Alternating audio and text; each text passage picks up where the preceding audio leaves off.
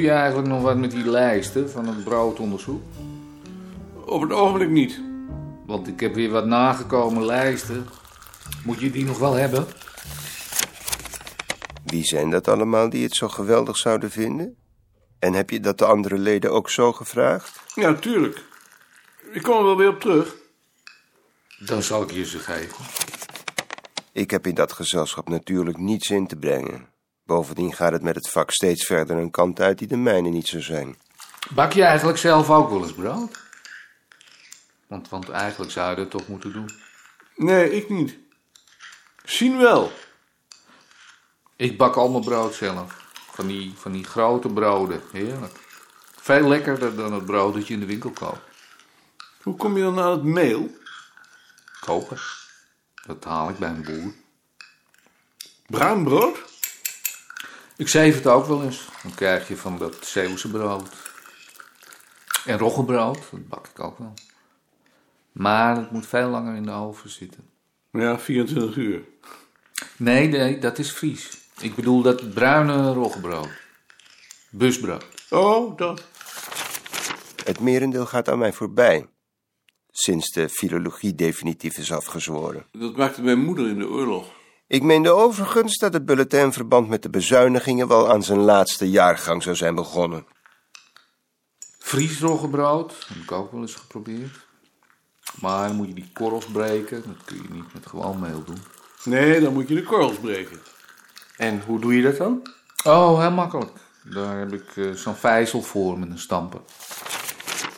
Alinea 2 van je brief heeft me pijnlijk getroffen. Je hebt inderdaad niet goed begrepen dat ik nu zou hebben overgeschakeld op een vereenvoudigde titelbeschrijving, zoals jij dat noemt.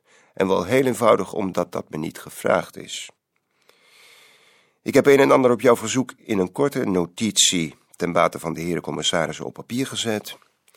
En ik neem aan dat zij op basis daarvan een beslissing zullen nemen. Zolang ik niet hoor dat het voortaan zo moet of niet meer hoeft, ga ik op de overeengekomen wijze voort. Bovendien is het echt niet zo dat ik van de ene op de andere dag kan overschakelen. Daarvoor zal ik minstens enige tijd nodig hebben. Ik zeg je maar eerlijk dat het me steekt eh, dat je me dit in de schoenen schuift.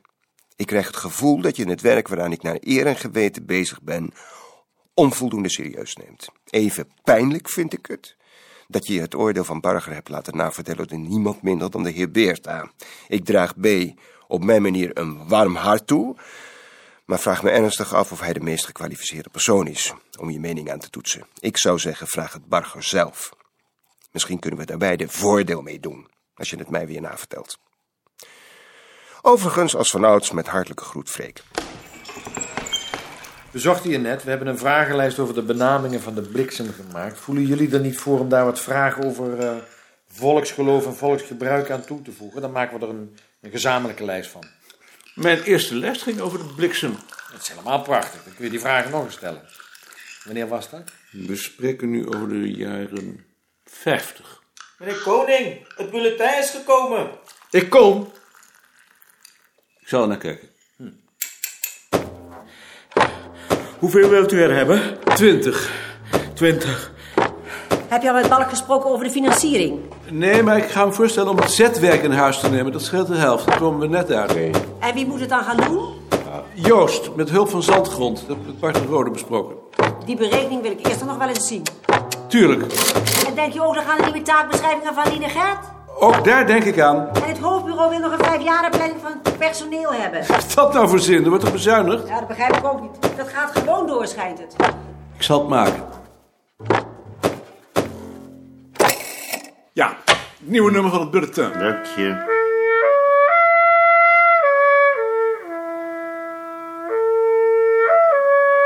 Mark, het bulletin is er. Je artikel over het midwinter horenblazen. Eh, Ik ben met dat rapport bezig. Eh, ik wou die mannen voorstellen dat jij en Ad ook bij de bespreking zijn, net als in de tijd. Voel je daarvoor? Graag. Oh, eh, wacht nog even. Eh, Hoe vind jij die bespreking van Saskia? Heel goed. Ze is wel goed, hè? Voortreffelijk zelfs.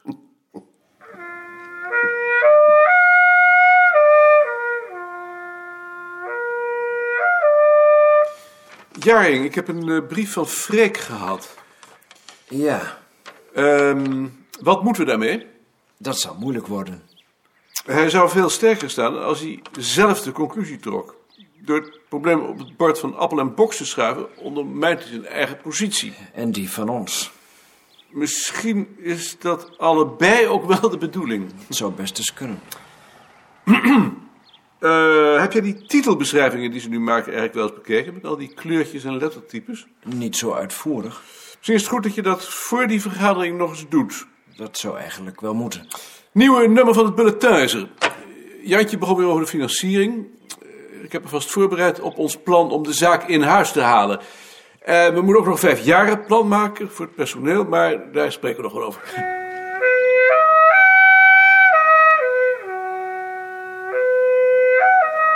Joost, het nieuwe bulletin. Bedankt. Dat voor Ed zal ik me op zijn bureau leggen. Geen probleem. Jullie hebben niets meer van hem gehoord? Inderdaad. Als jullie iets aan hem doen, waarschuw me dan, dan wil ik graag meedoen. Afgesproken.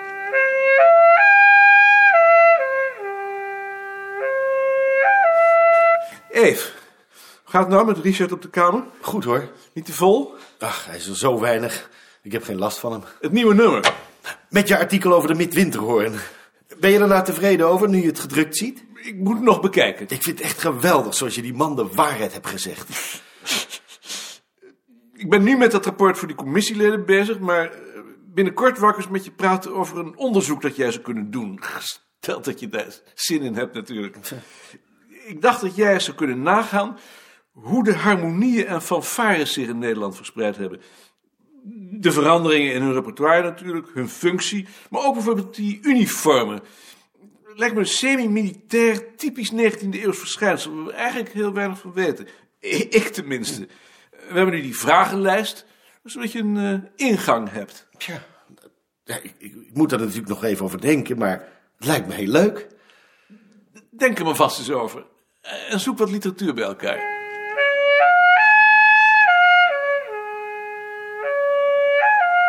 Dag Jetskin. Het nieuwe nummer. Maarten, Gert, ik kom straks bij je. Ik vergeet het niet. Help me herinneren dat ik jou er dan aan herinner dat jij op de rol staat voor het nummer van juli 1983. En dat we ook even over Carla praten met het oog op de passage over haar in het rapport. Moet dat? Ja, dat moet, want jij bent haar begeleider.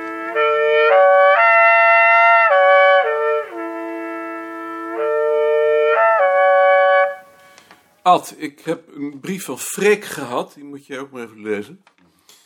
En Bart, ik heb hier een lijst van volkstaal over de bliksem. Heb je tegen mij? Ja, tegen jou.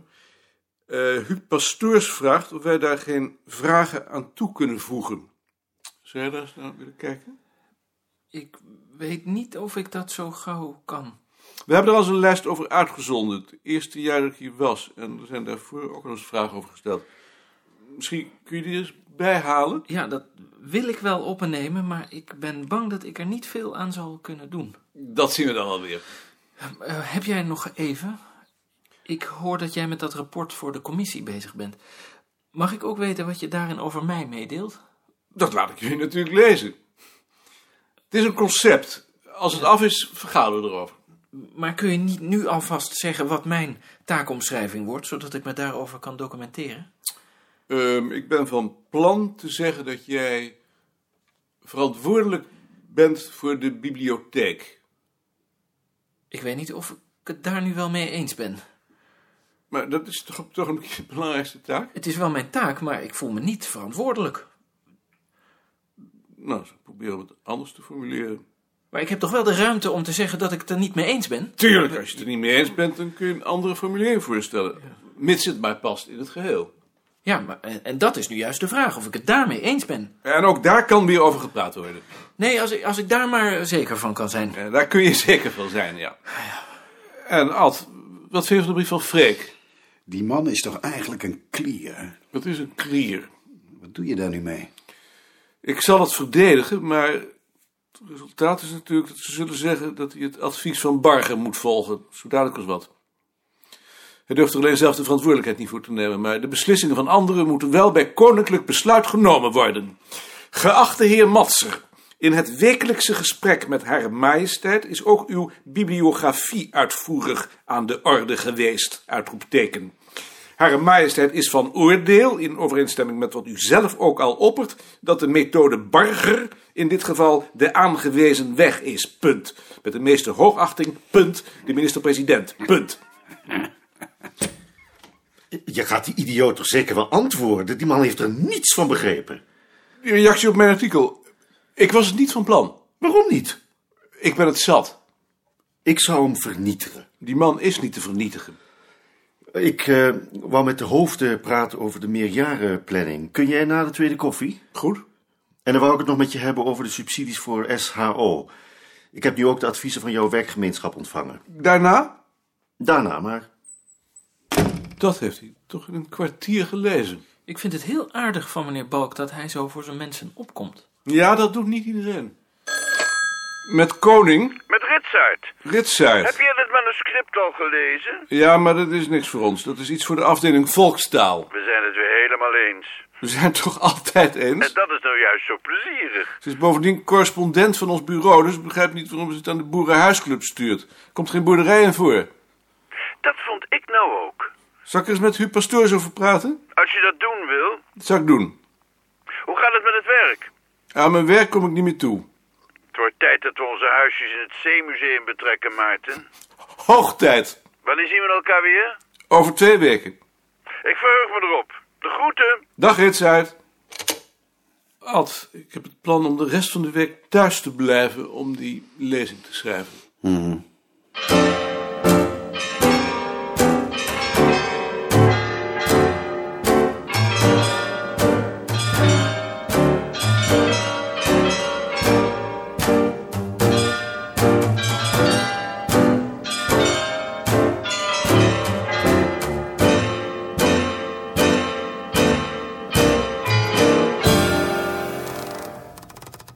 Ik kom tot de slotsom.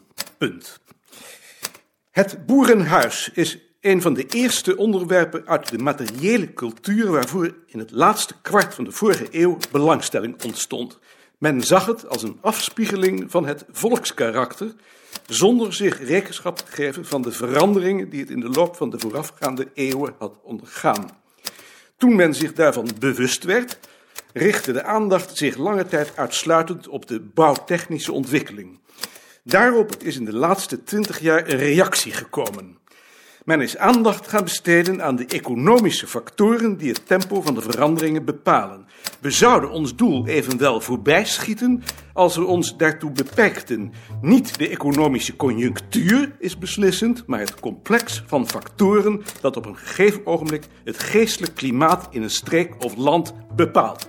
Als men het geestelijk klimaat als uitgangspunt neemt, geeft men bovendien aan het begrip volkskarakter, waarmee we in ons vak oorspronkelijk werkten, het noodzakelijke historische perspectief. In het voorafgaande heb ik daarvan een voorbeeld proberen te geven.